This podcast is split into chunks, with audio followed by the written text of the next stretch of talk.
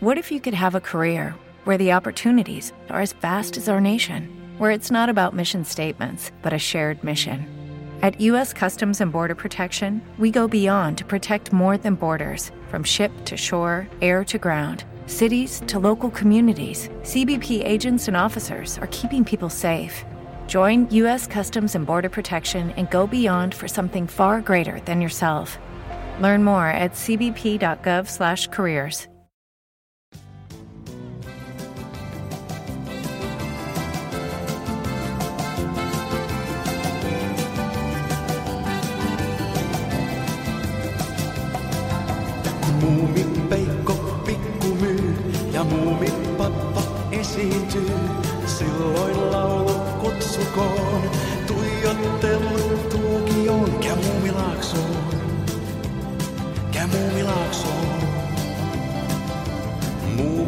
Muumitalon asukkaat, seuraksesi kohta saat. Pääset mukaan viidakkoon, taikapilvi karkeloon. Nyt muumilaaksoon, nyt muumilaaksoon.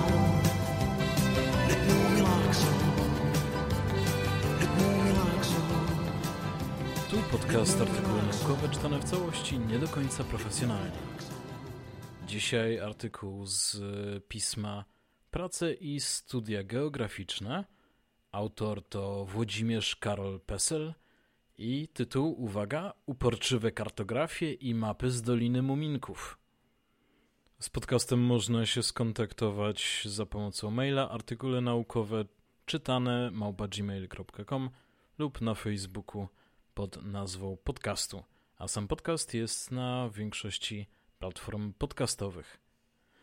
Dolina Muminków to zdecydowanie temat, na który powinniśmy porozmawiać. E, W związku z tym zacznijmy od abstraktu. Zarys treści. Artykuł porusza zagadnienie trudności w przekraczaniu granic między geografią i kartografią, a naukami o kulturze i wiedzą o literaturze. Autor opiera się na tezie, że nakładanie siatki kartograficznej na przestrzenie wyimaginowane nie jest możliwe.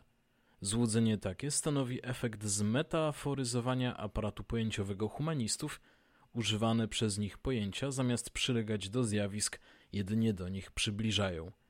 Ma to jednak pewien skutek pożyteczny. Dostrzeganie przez badaczy zależności między strukturami dzieł a strukturami przestrzennymi. Świetnego przykładu wykorzystania map jako kulturowo specyficznych strategii wizualnych dostarcza twórczość Tove Jansson. Tove Jansson. Tove Jansson. Eee, tak, dostarcza twórczość Tove Jansson. Autorka cyklu opowiastek o muminkach kreśliła mapy ze świadomością metaforycznego charakteru takiego zabiegu, a przy tym historyczności konwencji graficznych w zapisie informacji o przestrzeni. Dolina Muminków miała niewątpliwie pewne znamiona eskapistyczne, jednak że zostały one podporządkowane nowemu, powojennemu porządkowi geograficznemu i geopolitycznemu po jałtańskiej mapie Europy i Finlandii. Scharakteryzowanie map z książeczek Tove Jansson doprowadza autora do wniosku, że Jansson zdemaskowała naiwne podejście do kartografii, postawę kulturową, według jakiej mapy ustanawiają prawdę o kształcie świata, tworzą wizualne homologie terytoriów. Jansson niejako antycypowała epokę nadużywania idei map zarówno w naukach humanistycznych, jak w codziennych dyskursach. Słowa kluczowe: Tove Jansson, mapy Doliny Muminków, Finlandia, geopoetyka, mapowanie, zwrot przestrzenny, kartografia w historii kultury. Wstęp. Mapy niedosłownie. W alegorycznej prozie Niewidzialne miasta pada zdanie, które warto stale zadawać do rozważenia badaczom przestrzeni kultury miejskiej i krajobrazu. Nie należy nigdy mylić miasta ze słowami, które je opisują. Calvino 2005. Gdy chodzi o plany i mapy, można by myśl tę przeformułować następująco. Nie należy nigdy mylić kartografii z mapami literackimi. Nie jest bowiem możliwe nałożenie siatki kartograficznej na jakąkolwiek przestrzeń wyimaginowaną. Nie istnieje podziałka dla świata przedstawionego w utworze. Upatrywanie w tekstach literackich opisów tras dokładnych wskazówek nawigacyjnych zakrawa na taką właśnie pomyłkę, na podążanie za piękną złudą, słowami i obrazami zaledwie naśladującymi mapy. Beletrystyka tworzy atlasy, które same będą wyobrażone. Czego najlepsze przykłady zebrali i usystematyzowali Mangel i Guadalupe 2019. Spektakularna kariera pojęcia mapa w wielu rejestrach dyskursu publicznego stanowi już właściwie zjawisko społeczne, wykraczające poza czysto akademicki zwrot przestrzenny. Odkurzacze samoczynne zmapują nasze mieszkania, menedżerowie zamówią mapy podróży klientów, rząd zaprezentuje mapę drogową nowej piątki projektów przedwyborczych. Wstęp do omówienia nowych prądów badawczych D. Bachman Medic 2012 tytułuje Kartografia nauk o kulturze. Łatwość mapowania oznacza cechę kultury współczesnej, od której nieodłączne są literaturoznawstwo czy nauki o kulturze. Dużym zrozumieniem darzyć trzeba w takiej sytuacji geografów i innych profesjonalnie nastawionych do kartografii uczonych. Nauki nomotetyczne, czyli ustalające reguły, np. prawa przyrody. Tendencja do przechwytywania idei mapy przez przedstawicieli nauk ideograficznych, opisujących jednostkowe zjawiska czy fakty, oraz zwykłych użytkowników języka może wydawać im się irytująca lub naiwna. Ale jednocześnie trzeba zrozumieć humanistykę ze wszelkimi jej modnymi bzdurami. Po przełomie poststrukturalistycznym, będącym rotorem kolejno ogłaszanych wielkich zwrotów, interpretacyjny, performatywny, postkolonialny i tym podobne, aparat pojęciowy humanistów uległ zmetaforyzowaniu. Oto wszystkie pojęcia jedynie przybliżają zamiast ściśle przylegać do zjawisk. Słowo mapa powinno zatem być używane w kontekstach kulturowych z domyślnym cudzysłowem. B. Westphal przekonująco ujął praktyczny skutek zwrotu przestrzennego. Sukces metafory mapy wiąże się z transponowaniem przestrzeni na kulturę, a zatem nie tylko z czytaniem miast, lecz dostrzeganiem zależności między strukturami dzieł a strukturami przestrzennymi oraz form interaktywności tekstu i terytorium, wsiąkania artystycznych iluzji w rzeczywistość. W niniejszym artykule, zaznaczywszy, że kartografia przemieniana w poetykę jest nie tylko metodą badania w humanistyce pożądającej wielodziedzinowości, bądź jak kto woli postdyscyplinarności, ale zjawiskiem samym w sobie, staram się pokazać pozytywną stronę mapowania. W tekstach kultury – Posługiwanie się mapą jako metaforą przy zachowaniu zdroworozsądkowego dystansu może bowiem stanowić dla autorów i odbiorców istotne źródło przyjemności oraz interpretacyjnej kreatywności. Moda na geopoetykę i ujęcia geokulturowe musi przeminąć. Zresztą już straciły one swój niedawny blask, między innymi na rzecz studiów nad antropocenem, klimatem i kulturą. Natomiast próby kreślenia map jako kulturowo specyficznych strategii wizualnych są ponadczasowe. Ukształtowanie się wizualnej abstrakcji należy do trwałych, nowoczesnych osiągnięć człowieka kulturalnego. Znakomitej egzemplifikacji wykorzystania mapy ze świadomością metaforycznego charakteru takiego zabiegu, a przy tym historyczności konwencji graficznych w zapisie informacji o przestrzeni dostarcza twórczość fino-szwedzkiej to jest obywatelki Finlandii posługującej się szwedzkim jako pierwszym językiem, rysowniczki, malarki i pisarki Tove Jansson, autorki cyklu opowiastek o muminkach. W książeczkach tych można znaleźć pięć map krainy zaludnianej przez trole, szwedzkie Mumintrollen. Mumintrollen. I inne istoty. O włączeniu map do szaty graficznej słynnych opowiastek Oprócz indywidualnych talentów Jansson i tradycji jej artystycznego domu rodzinnego, zadecydowała do za specyficznej północnej ironii. Taką dystansującą do świata ironią chce się uderzyć w uporczywość kartografii w przenośni, w nadużywanie pojęcia mapa, aby nadać temu właściwy status, pewnego rodzaju gry. Nie miejsce tutaj na poruszenie wątku prawdziwego adresata serii książeczek o rodzinie muminków – to osobny problem. Samo zrekapitulowanie dyskusji krytyków i ekspertów zajęłoby mnóstwo miejsca. Gdyby muminki z gruntu zaadresowane zostały do dorosłych, to nawet tym lepiej byłoby dla dalszych wywodów w tym tekście i kartoznawstwa to Jansson. Wiadomo, że pisarce nie udało się przekonać wydawcy, aby tom Tatuś Muminka i Morze nosił podtytuł Opowiadanie dla dużych dzieci. Poprzestanę w tym miejscu na zasygnalizowaniu dwóch kwestii. Po pierwsze, Jansson nigdy nie wdzięczyła się do tak zwanego najmłodszego czytelnika, ani nie kokietowała szkrabów publicznym opowiadaniem o tym, jak uwielbia swoją pracę. Wprost przeciwnie. Muminki i sława przekraczające wszelkie wyobrażenie wzmogły jej udrękę, pisze B. Westin, 2012 rok. To Jansson okoliczności życiowe zmusiły do lawirowania między zaangażowaniem w słowo i oddaniem sztukom plastycznym. W okresie, gdy muminki zawojowywały świat w drugiej połowie lat pięćdziesiątych, obwiniała je za to, że straciła przez niedawny zapał do malarstwa i jego wystawiania. Odzyskała go dopiero po przekazaniu swojemu bratu obowiązku wywiązywania się z kontraktów na stripy, komiksy dla zagranicznej prasy. Po drugie, Dolina Muminków zrodziła się z eskapizmu – w warunkach walki Fińskiej Republiki o pozostanie w lasach Europy.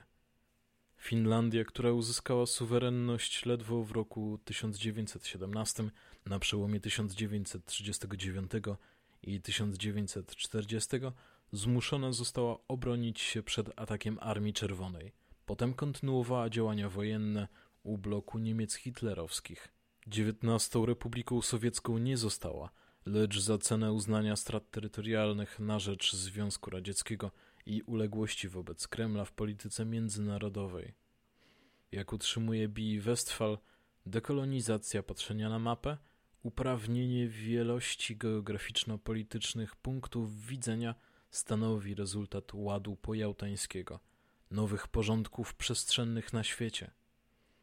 Na pewno część eskapizmu Tove Jansson miała podstawy prywatne – afektywne. Tworzyła literaturę dziecięcą nade wszystko dla siebie, aby odreagować własną dziecinność.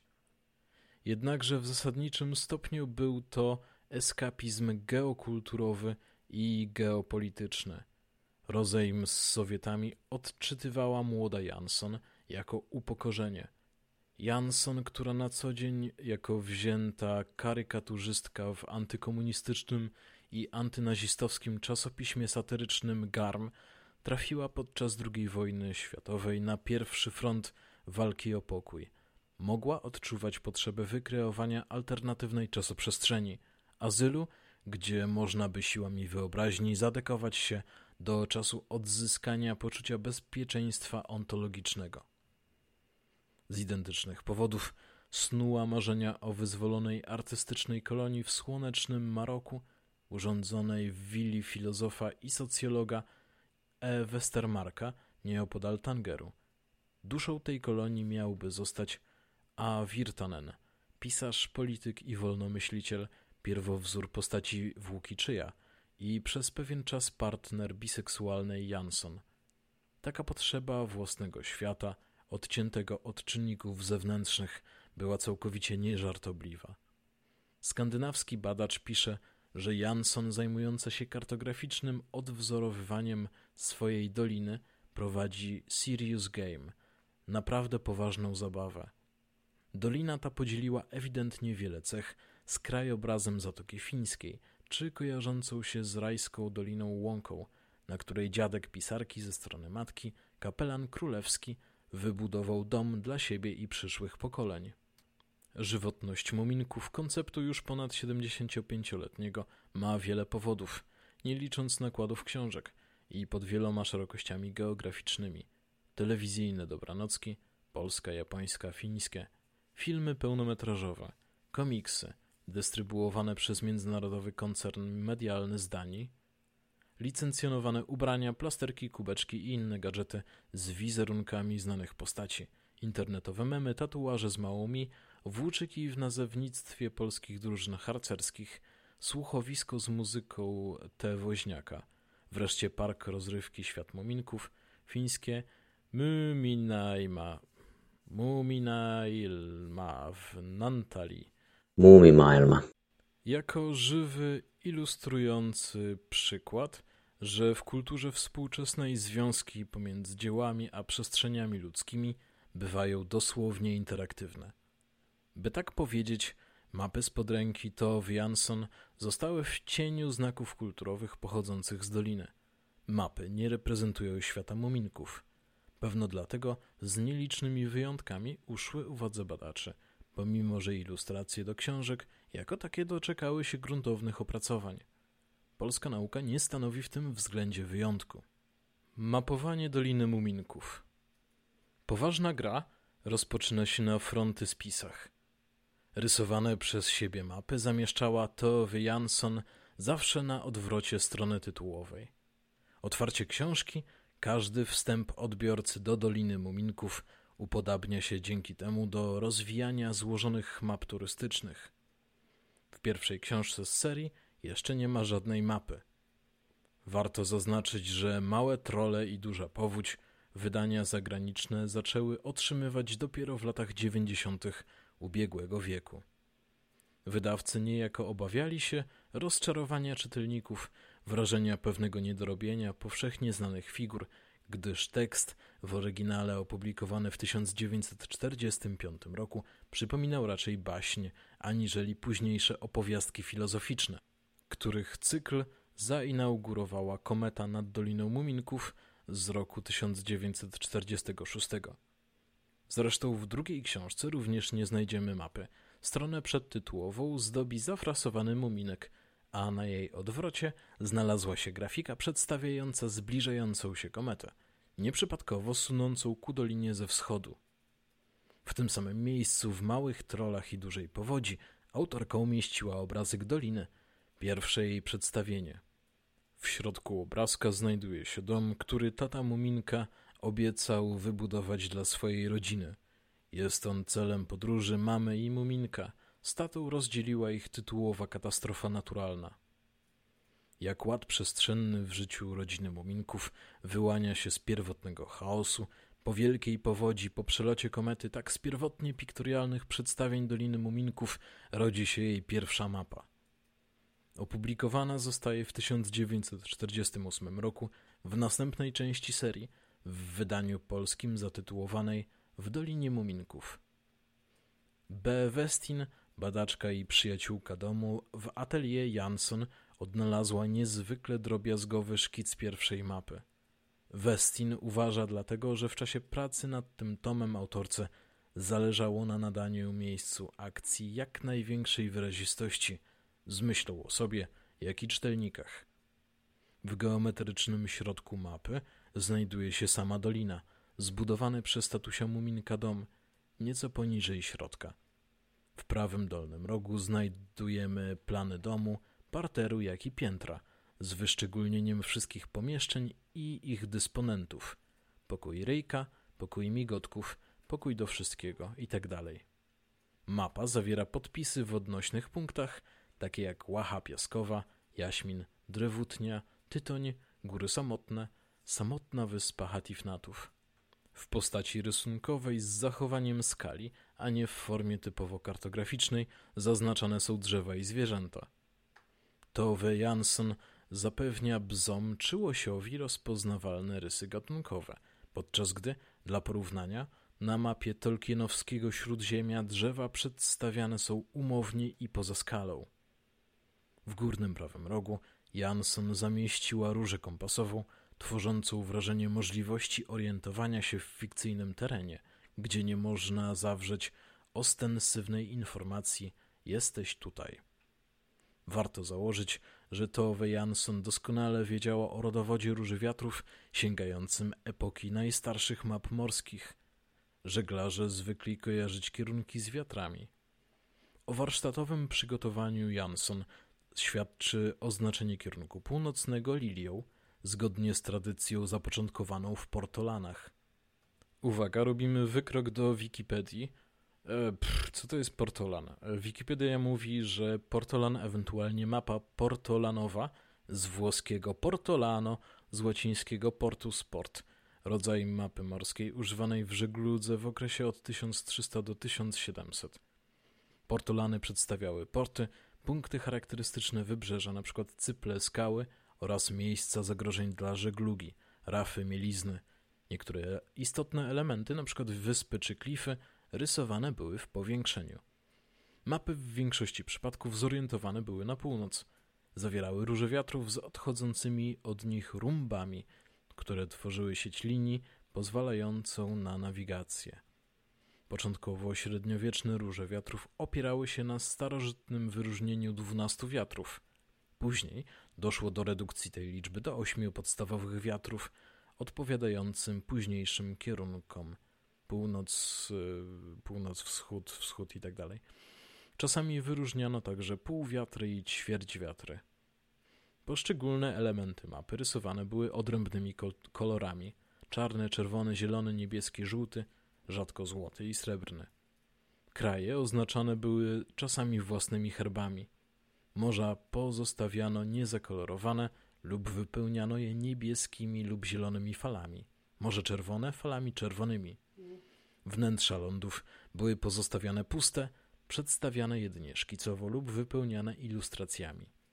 Napisy były czarne, z wyjątkiem wyróżnionych miejsc oznaczanych na czerwono. Porty, bezpieczna przystań, możliwość udzielenia, e, uzupełnienia zapasów, obecność stoczni. Portolany były pisane najczęściej po łacinie, rzadziej w języku katalońskim, dialektach włoskiego czy portugalskim. Portolany tworzone w krajach islamu pisane były po arabsku lub turecku. W XVI i XVII wieku powstały również portolany japońskie, inspirowane portugalskimi. Sporządzano je na pergaminie z jednego kawałka skóry lub z kilku sklejonych na deskach.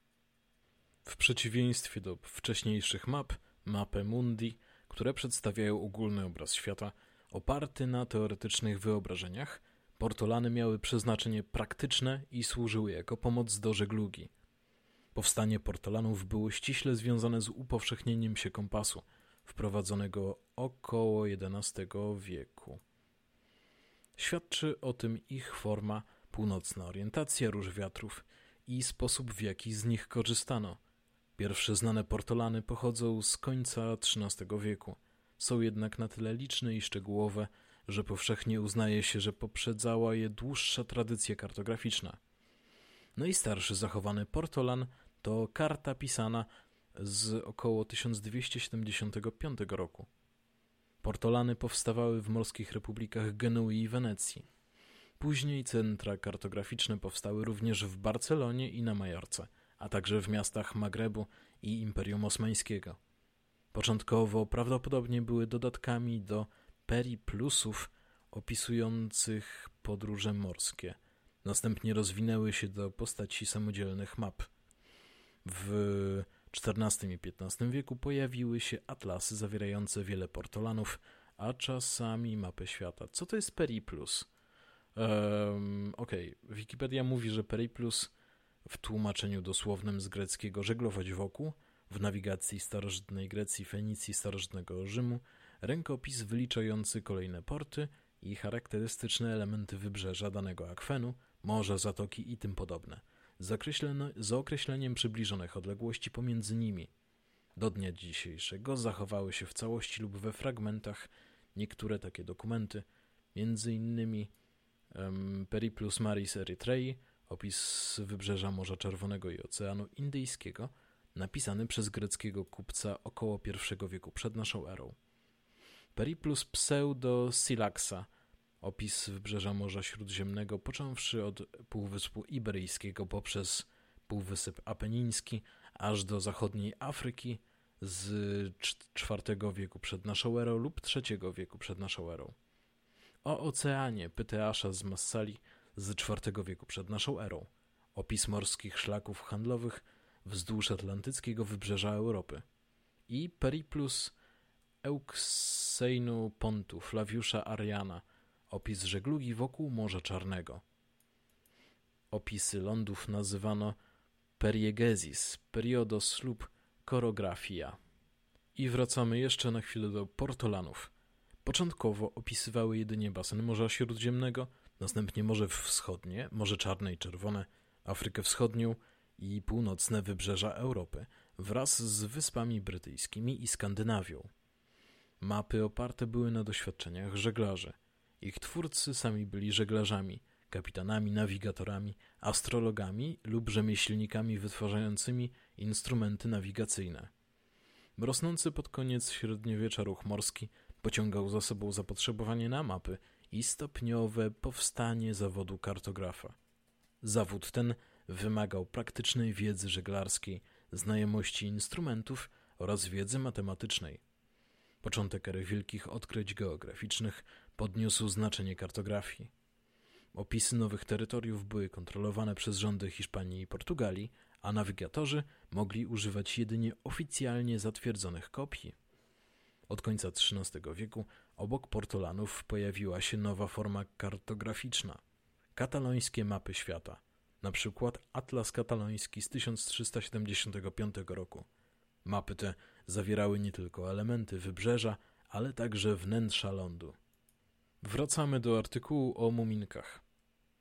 O warsztatowym przygotowaniu Jansson świadczy oznaczenie kierunku północnego lilią zgodnie z tradycją zapoczątkowaną w Portolanach, zwłaszcza w przypadku autorki pochodzącej z kraju nadmorskiego, także krainy blisko 200 tysięcy jezior. Skojarzenia marynistyczne wydają się uprawnione.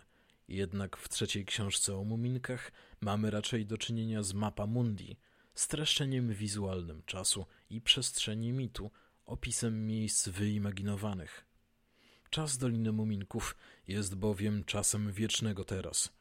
To też mapa doliny zupełnie ignoruje upływ czasu linearnego, musi dokonywać kompresji zdarzeń.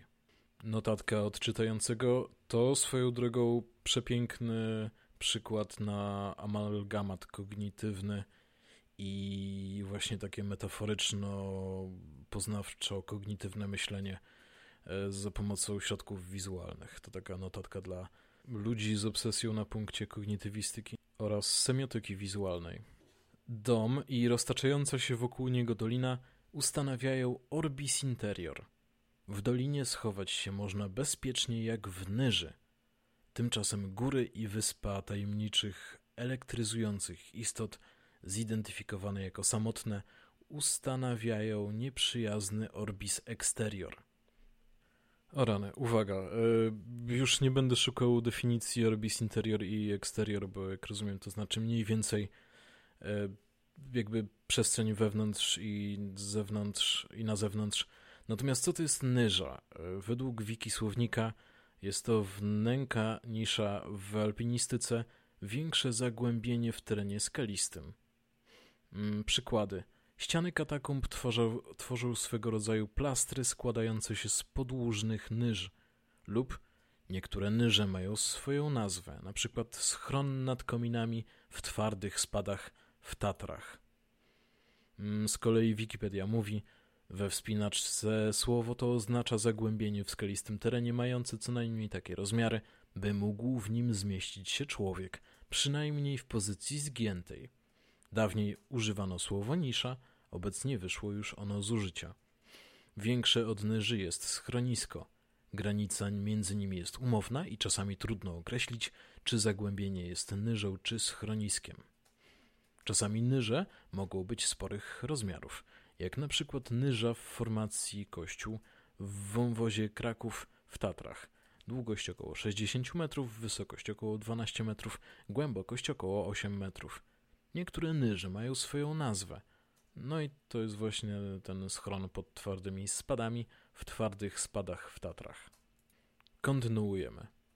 Jest to ujęcie całego znanego świata – jak w najwcześniejszych znanych historykom mapach, tyle że świata alternatywnego, więc bez podstaw materialnych ani obliczeniowych siatki kartograficznej.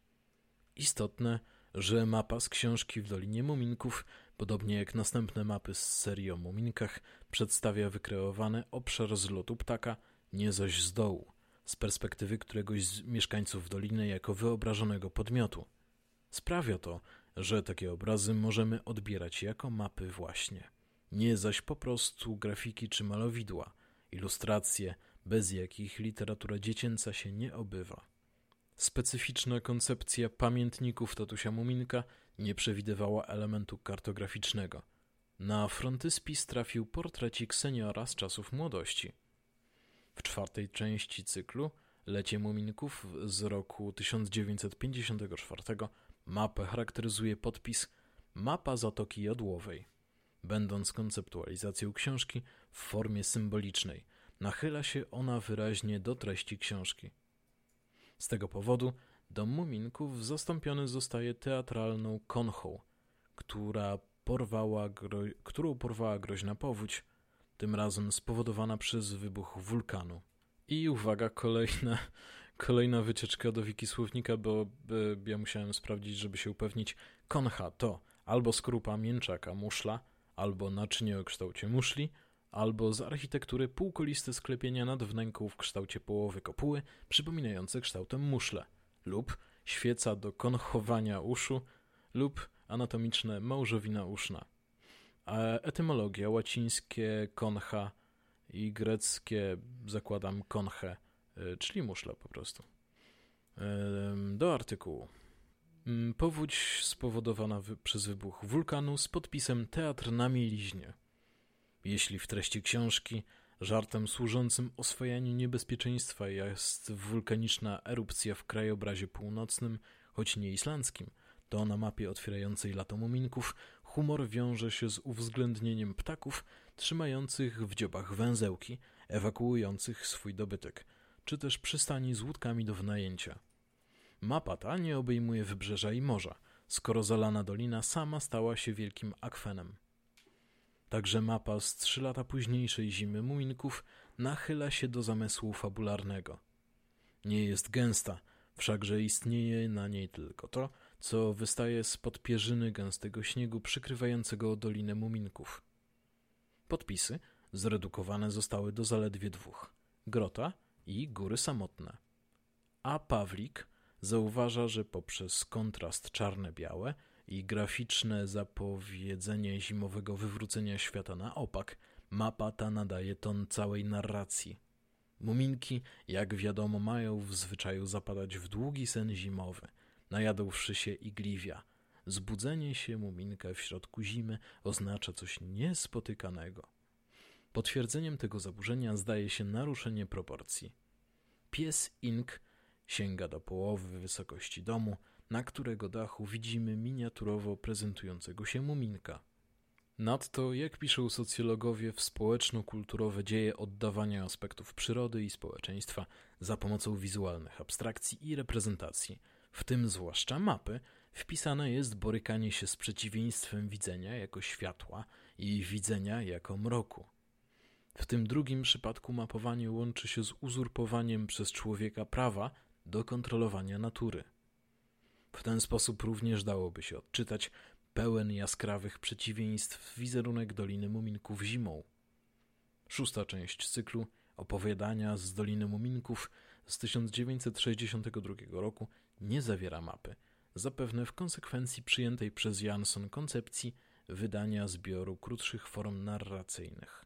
Godna zastanowienia zmiana w podejściu do mapy na stronach przedtytułowych następuje w końcowych częściach serii.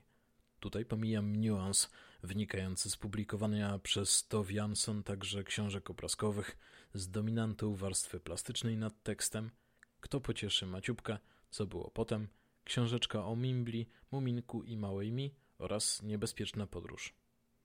W opowiastce Tatuś Muminka i Morze, wydanej w 1965 roku, będącej pierwszym aktem pożegnania Tove Jansson z cyklem, z mapy ostaje się w gruncie rzeczy tylko róża kompasowa. Odbiorca widzi rysunek wyspy z centralnie umieszczoną latarnią morską.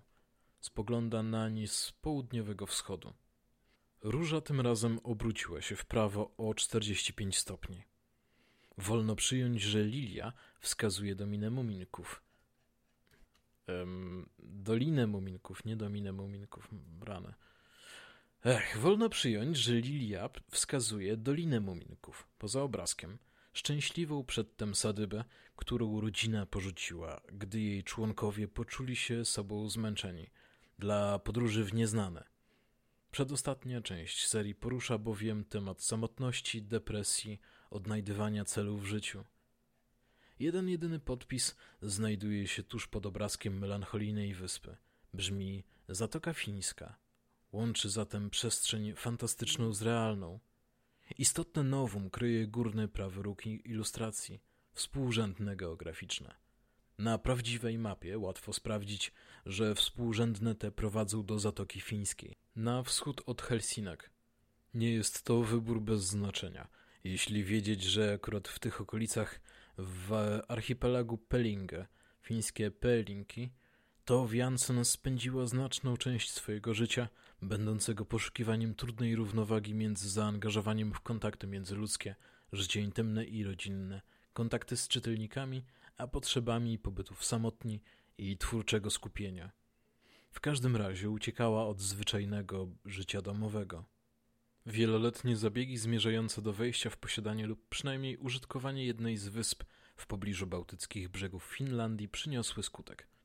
Wyspą Tove Jansson i jej życiowej partnerki stał się szkier Kleofharn.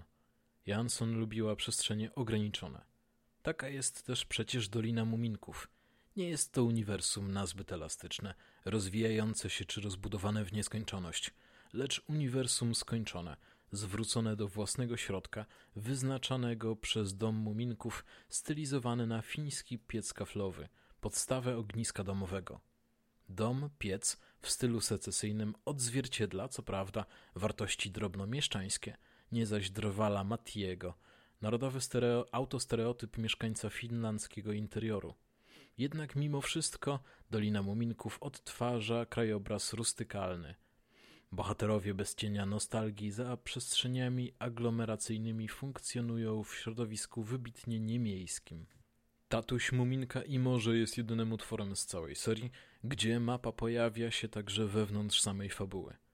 W dodatku pojawia się parokrotnie, zapowiadając rodzinie morską podróż w nieznane, uciec ucieczkę od rutyny i zaczęcie wszystkiego od początku na bezludnej wyspie z dala od Doliny Muminków – Mama Muminka podchodzi do wiszącej na ścianie dużej mapy, wchodzi na krzesło i niczym wskazówkę przykłada pyszczek do małej kropki na samym środku.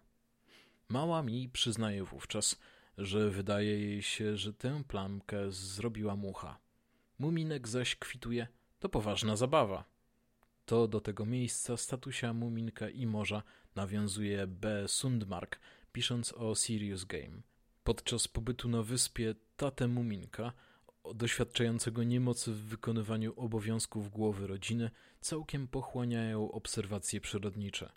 W zeszycie, w którym zapisuje uwagi na temat morza, szkicuje mapę, dowodzi, że jeziorko na wyspie łączy z morską kipielą głęboki tunel. Gdy zaś latarnik, obejrzawszy malunek, jaki mama Muminka wykonała na jednej ze ścian wieży latarni morskiej, zapytuje, co będzie na drugiej ścianie – Malarka hobbystka odpowiada. Może mapa. Mapy wyspy i wszystkich małych skał w morzu, pokazująca mielizny, a może i głębie. Mój mąż doskonale umie mierzyć głębokość wody. To, że mama dopuszcza możliwość narysowania mapy, zamiast jak wcześniej domu czy swojego porzuconego ogrodu, oznacza zakończenie pewnego etapu rozwojowego, jeżeli nie terapeutycznego. Mamę Muminka łączy tutaj Stowe Jansson upodobanie do samotnych szkierów jako miejsca odpowiedniego do odnajdywania siebie. Uwaga, my robimy wycieczkę do Wikipedii. Szkier, również skier, skier, szer.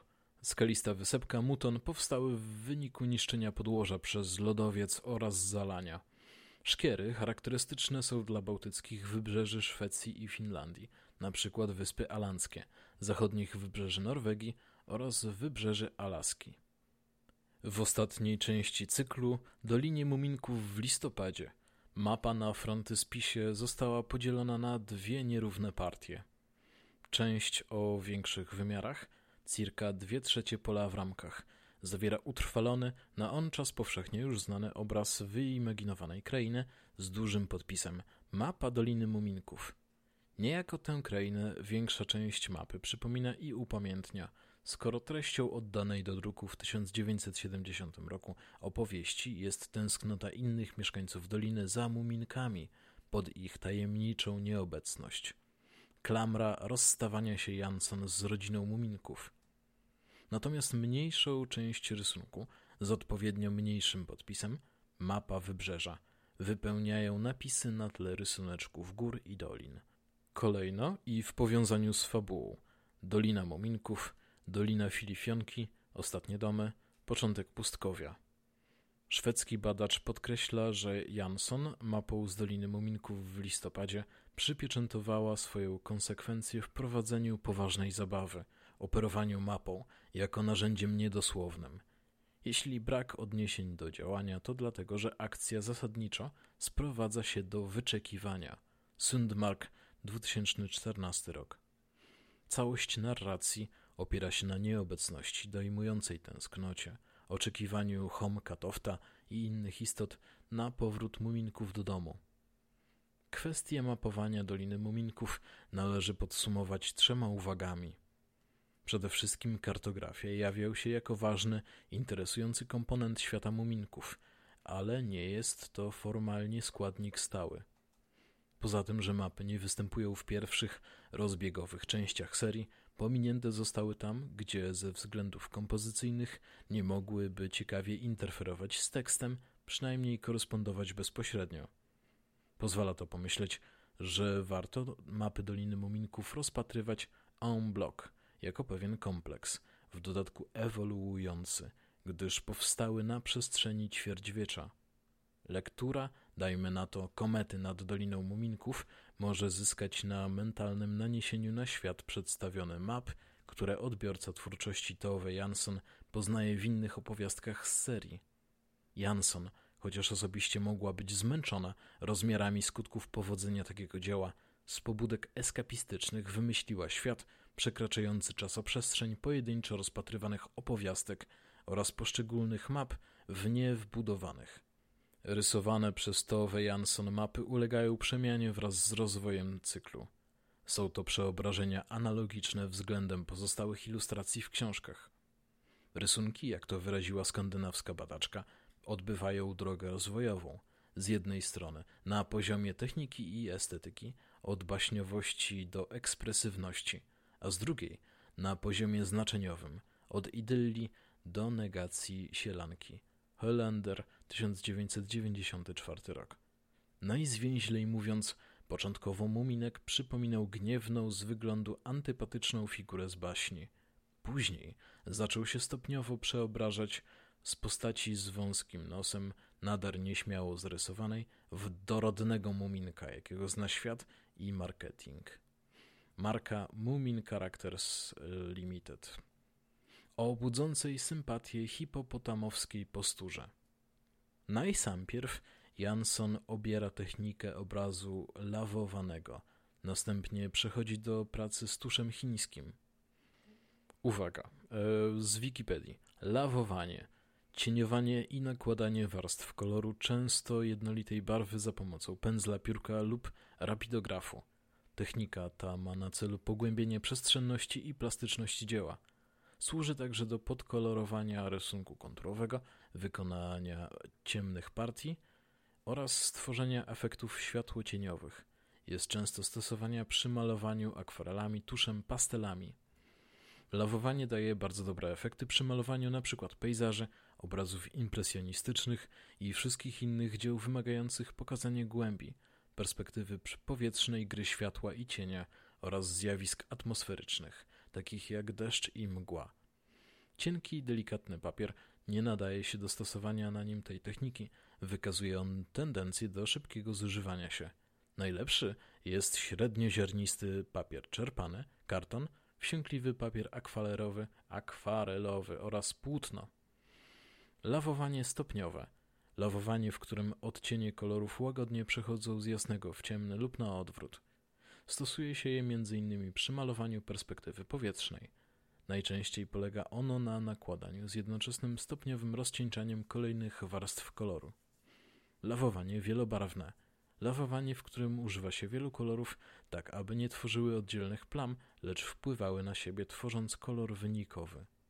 Lawowanie suche. Suche lawowanie polega na nakładaniu na duże powierzchnie równego, jednolitego odcienia pigmentu. Uzyskuje się w ten sposób łagodne przejścia między płaszczyznami poszczególnych kolorów. Można dzięki temu uzyskać subtelne efekty atmosferyczne. Suchy pigment uzyskuje się ze sproszkowanej pałeczki pastelowej. Do artykułu. Humorystyka nęcąca publiczność dziecięcą z czasem ustępuje miejsca zadumie i melancholii, niedopowiedzianej tęsknocie. W przypadku map wzrost ekspresywności i konfrontacja z ciemniejszymi stronami życia, centralnymi problemami egzystencjalnymi, oznacza upodabnianie się do gatunków plastycznych poprzez osłabienie funkcji referencjalnej. Nawias, y, funkcja referencjalna oznacza mniej więcej tyle, że coś odnosi się do czegoś innego. Pierwsze mapy pozwalają przewidzieć fabuły, nastawić się na te czy inne schematy fabularne. Mapy z późniejszych tomów nie przepowiadają narracji, nie wskazują bohaterów ani miejsc kluczowych dla treści. Wprawdzie nie ocierają się o mismapping, celowe zwodzenie odbiorców, jednak coraz bardziej otwierają się na potencjalność. Mapy Doliny Muminków nie przynależą do kartografii drogi, deskryptorów tras, lecz raczej do przedstawień uniwersów lub, jak to nazwał B. Anderson, map kosmograficznych. Dlatego wyzbywają się, zwłaszcza w późniejszych częściach opowieści o muminkach, nawiązywania do wydarzeń, chronologii dziania się. W tym sensie dziedziczą pewne cechy nadrzędnej historyczno-antropologicznej przemiany, jaka dokonała się w odwzorowaniu przestrzeni. T. Reinert Senberg, 2018, przekonywująco pokazał, jak w epoce nowożytnej kartografia przeszła od itinerariuszy, konkretów do abstrakcji opartej na systemie umownych znaków graficznych. K. Miciukiewicz, 2008 rok. Ten sam proces powiązany z wielkimi wyprawami morskimi doby odkryć geograficznych zaprezentował w terminach zastępowania albumu historycznego, będącego ilustrowanym opisem przebytej przez statki drogi do autonomicznych przedstawień geograficznej przestrzeni. Graficzne przedstawienie Doliny Muminków, tak jak mapy w ogóle, stawiają użytkowników wobec podstawowej sprzeczności. To, co fizyczne, jest jedynie znaczkiem na papierze, który mała mi utożsamiła z wydzieliną muchy. Ma za zadanie ewokowanie w ludzkim umyśle potężnego wielowymiarowego świata. Poza ikonotekstualność – w świetle tego, co zostało powiedziane w poprzedniej części tego artykułu, staje się jasne, że Tove Jansson w swojej serii o muminkach znacznie wykroczyła poza to, co literaturoznawcy bez wątpienia mogliby określić mianem funkcji map w literaturze dziecięcej. To coś odmiennego od wyłącznie talentu do przedstawiania humorystycznej sytuacji w formie zwięzłej wizualnej ekspresji. Zabawa zobowiązuje – ogólnie biorąc do przestrzegania reguł, gdyż to one przekształcają zabawy w narzędzie kulturowe, tym samym wyposażając je, podług Arkelio 1973 y, rok, w egzystencję instytucjonalną, zatem dodałbym powagę. Ten sam krytyk literacki i antropolog z miejsca zastrzega jednak, że u podst pierwotnych podstaw zabawy w kulturze leży spontaniczna mieszanina swobody, rozrywki oraz fantazji. Dolina Muminków zbliża się poprzez mapowanie do pierwocin zabawy. Potrzeba tu dalej wyjaśnić, na czym polega swoistość dokonań Jansson w roli rysowniczki map literackich. Także na oczywistym tle tradycji literatury fantastycznej, podejmującej tematykę przygodowo-podróżniczą, lub opowiadającej o mobilności bohaterów wewnątrz określonych krain wyobrażonych. Twórczość ta od dawna przyzwyczaja odbiorców do widoku map na stronach przedtytułowych czy na wyklejkach. W fantastyce na porządku dziennym jest granie dwoma geografiami równolegle, kreowanie światów wedle określenia E. Rybickiej, 2013 rok, o innej ontologii. A. Pawlik, 2010 rok, Wymienia m.in. Hobbita, czyli Tami z powrotem, ze względu na podróż kompanii Torina do Ereboru, Kubusia Puchatka ze Stumilowym Lasem, Wyspę Skarbów, do której napisania zachęciło R.L. Stevensona przypadkowe narysowanie mapy podczas zabawy z małoletnim pasierbem.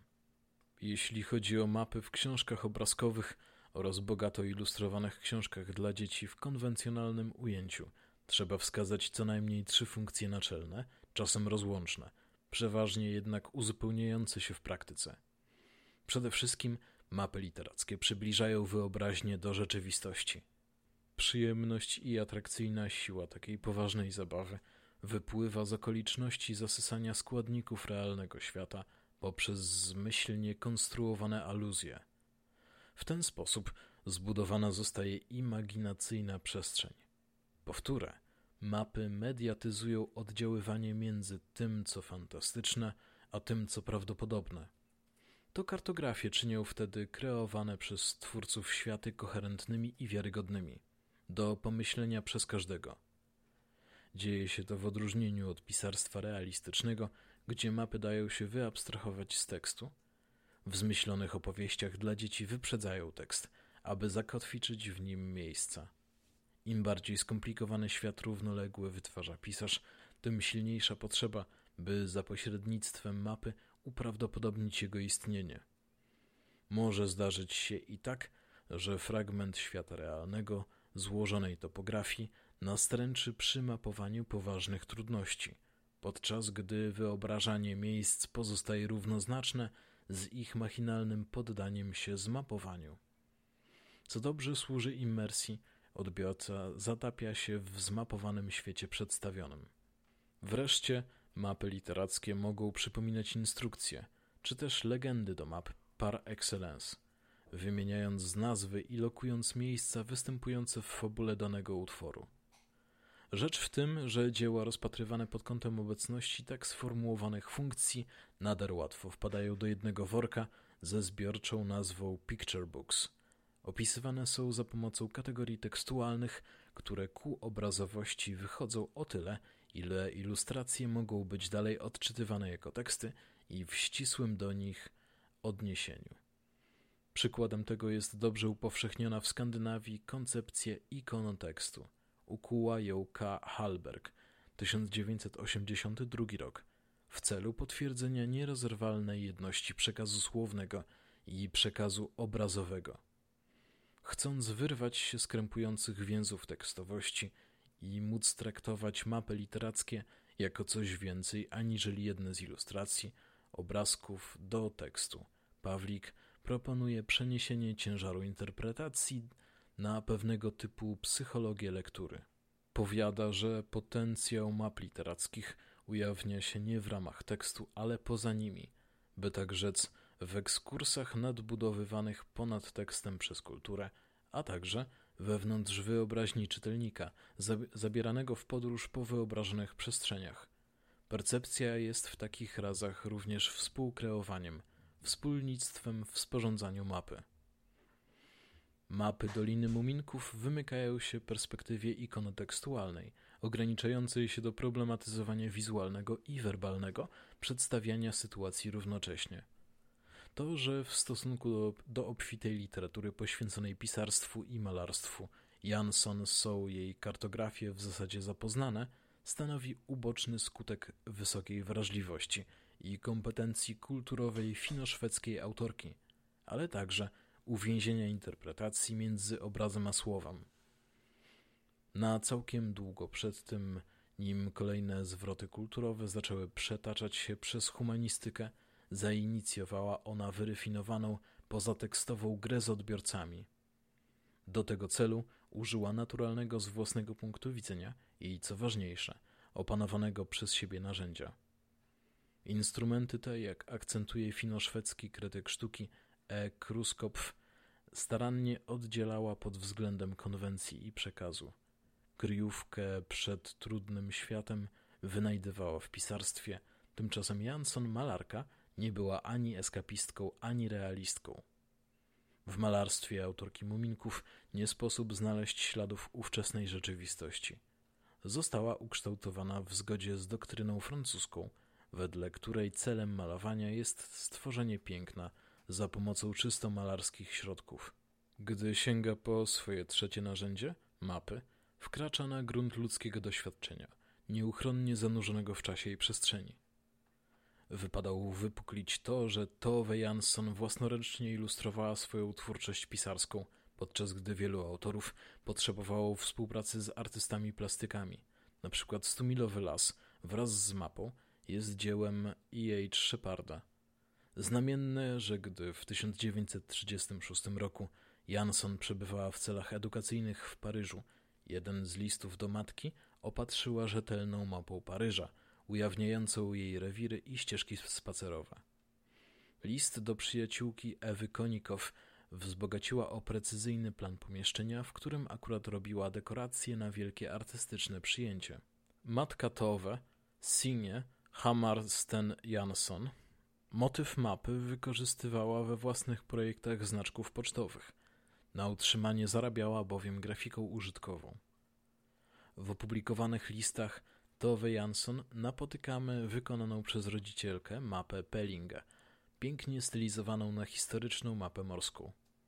Starszy brat, Lars Jansson, ten sam, który czuwał nad produkcją japońskiej kreskówki Muminki z lat dziewięćdziesiątych, marząc o egzotycznej podróży parowcem poza opisami archipelagów na południowy zachód od Ameryki Południowej, zebrał stos map. Młodszy brat, Per Olof Jansson, zajmował się w latach 60. fotografią lotniczą spojrzenie fotografującego z lotu ptaka lub jak u kanadyjskiego jezuity patrzącego spod dachu drapacza chmur, gdy choćby układ ulic, linie rzek czy dróg niewiele różnią się od znaków z papierowych planów i atlasów, koronuje dzieje podejścia kartograficznego. K. Miciukciewicz, Miciukiewicz, przepraszam pana, 2008 rok, zauważa – Panoptyczne spojrzenie wyzwala instynkt kartograficzny, budzi pragnienie tworzenia. Tak swoją drogą w sumie cieszy mnie, że mylę się też w polskich nazwiskach, bo to tworzy jakąś równość po tym, jak e, straszliwie źle wymawiam szwedzko-fińskie imiona. Tak czy inaczej, publicystycznym banałem jest stwierdzenie lepiej świat widać z góry. Wszelako za tym banałem kryje się prawda z zakresu historii kultury. Rozwój kartografii towarzyszył kolonizacji. Mapy umożliwiały poszerzanie panowania nad światem. Z wyższością europejskie centrum spoglądało na egzotyczne peryferia, nowe ziemie, nowo odkrywane kontynenty. Nieprzypadkowo kartograficzna deskrypcja krajów skandynawskich przebiegała w kontekście rywalizacji duńsko-szwedzkiej. Ojczyzna Jansson Finlandia pozostawała na on czas pod panowaniem szwedzkim. Na mapie obstalowanej przez jego wysokość Andreas Bureus przypisał Królestwu Szwecji znacznie więcej zależnego terytorium, niźli obejmowało w rzeczywistości. Tedy B. Anderson widział mapy w jednym szeroku ze spisami i muzeami, instytucjami charakterystycznymi dla państw w stanie ekspansji. Jansson zrobiła z tej historyczno-kulturowej prawidłowości własny użytek. Zabawa w skali wyobraźni, lecz poważna zabawa, jest praktyką z głębszym dnem. Jansson prowokowała. W cyklu o muminkach kolonizowała miejsca wyobrażone. Opanowanie plastycznej techniki rysowania map posłużyło jej do chytrego panowania w dolinie. Co zostało raz stworzone, kiedy indziej winno nareszcie ulec zdegradowaniu, zdekonstruowaniu, zniszczeniu. B. Westin, 2012 rok, przypomina, że Jansson nazywała siebie przebiegłą pisarką.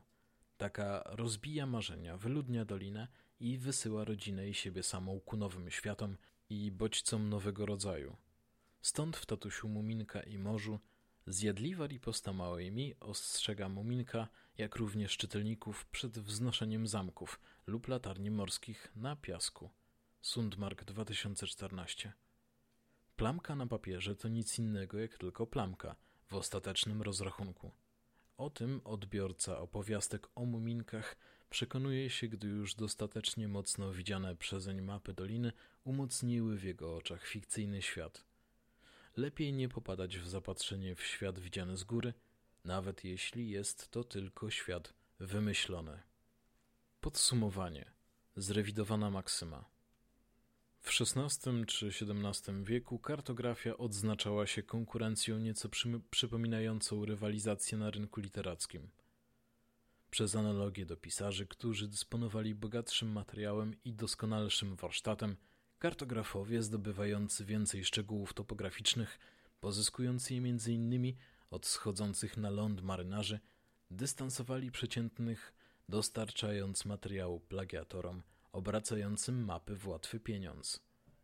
Ale wtedy to, w epoce intensywnego rozwoju kartografii, ukształtował się pogląd, że stan wiedzy raz skodyfikowany w postaci mapy wyklucza podważanie jego zgodności z faktami geograficznymi.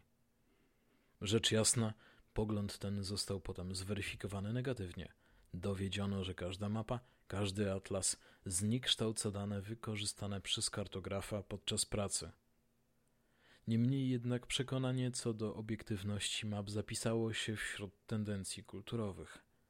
Przez to wyobrażenie, że mapy ustanawiają prawdę o kształcie świata, że mapy jako wizualne homologie terytoriów niemal odpowiadają dogmatom, krępowani są m.in. odbiorcy literatury. Podobne wybujałe oczekiwania żywią wobec map literackich.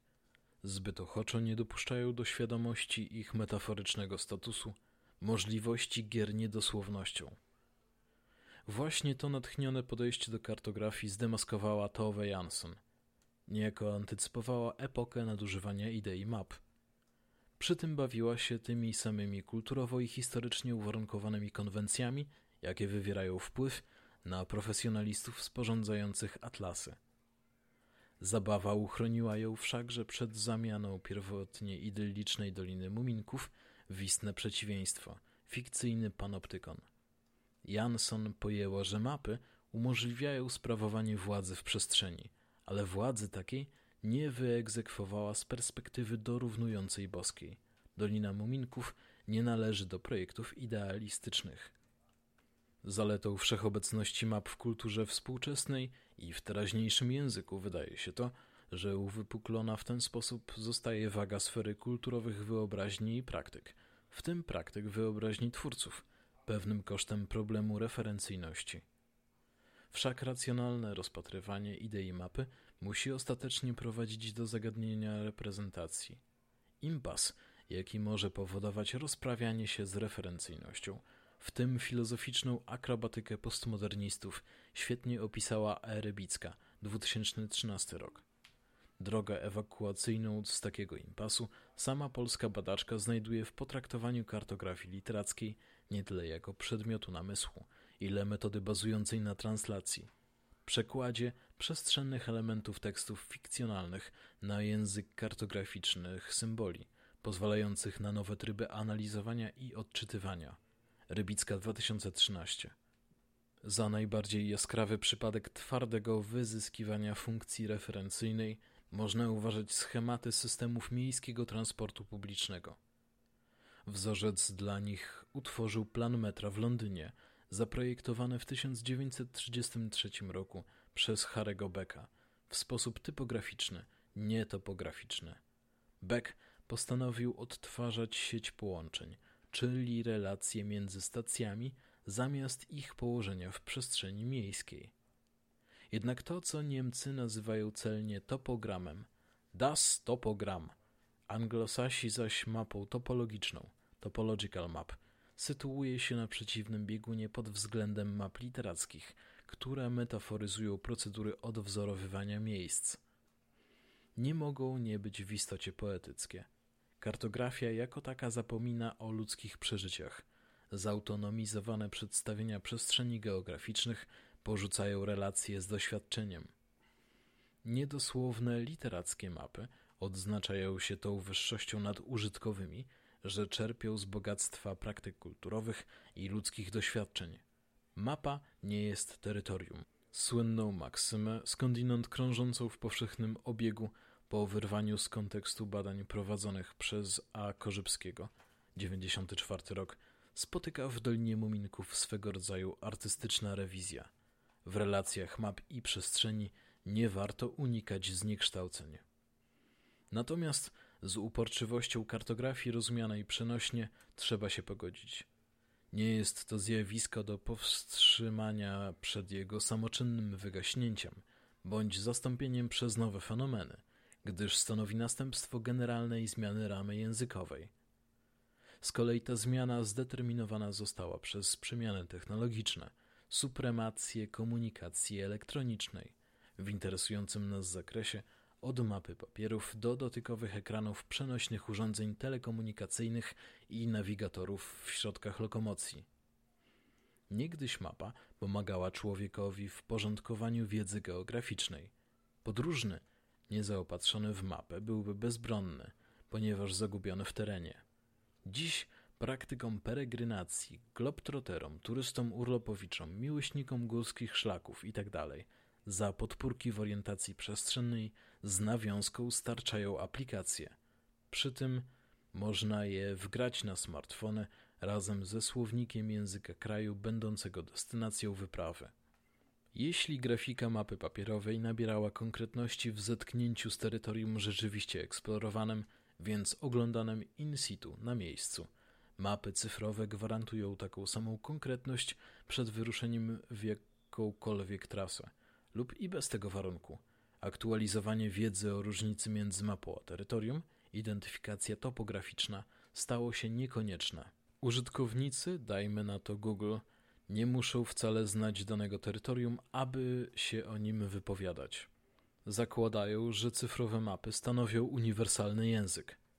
Tym bardziej nie dostrzegają nowego typu metafor, które dobrze konweniują z cyfrową zmianą technologiczną. W tym sensie stosunek Tove Jansson do map, niezależnie od podniesionej tu kwestii zabawy konwencjami kartograficznymi, jest stosunkiem analogowym i temu zawdzięcza artystyczne powodzenie. Pojęciom nadają strukturę określone metafory. Użytkownicy języka percypują dane obszary doświadczenia poprzez odwoływanie się do innych obszarów autopsji. Język narzuca ramy. Nawet kiedy zaprzeczamy ramie, tym samym ją przywołujemy, powiada Lako Lejkow 2011 rok. Metafory są wśród ludzi od zawsze. Obecnie ramy językowe podsuwają metaforykę kartograficzną. Tak będzie się dziać aż do następnego przeramowania, do następnych zwrotów w technologiach i humanistyce. I tym samym dotarliśmy do końca tej niesamowitej podróży. To był artykuł Uporczywe kartografie i mapy z Doliny Muminków. Włodzimierz Karol Pessel, Prace i studia geograficzne, rok 2019. Nie mam nic więcej do powiedzenia, poza tym, że do usłyszenia w następnym odcinku i tyle. Na koniec jeszcze intro podcastu, które, jakby nie patrzeć, stało się tym samym outro w tym odcinku. Do widzenia.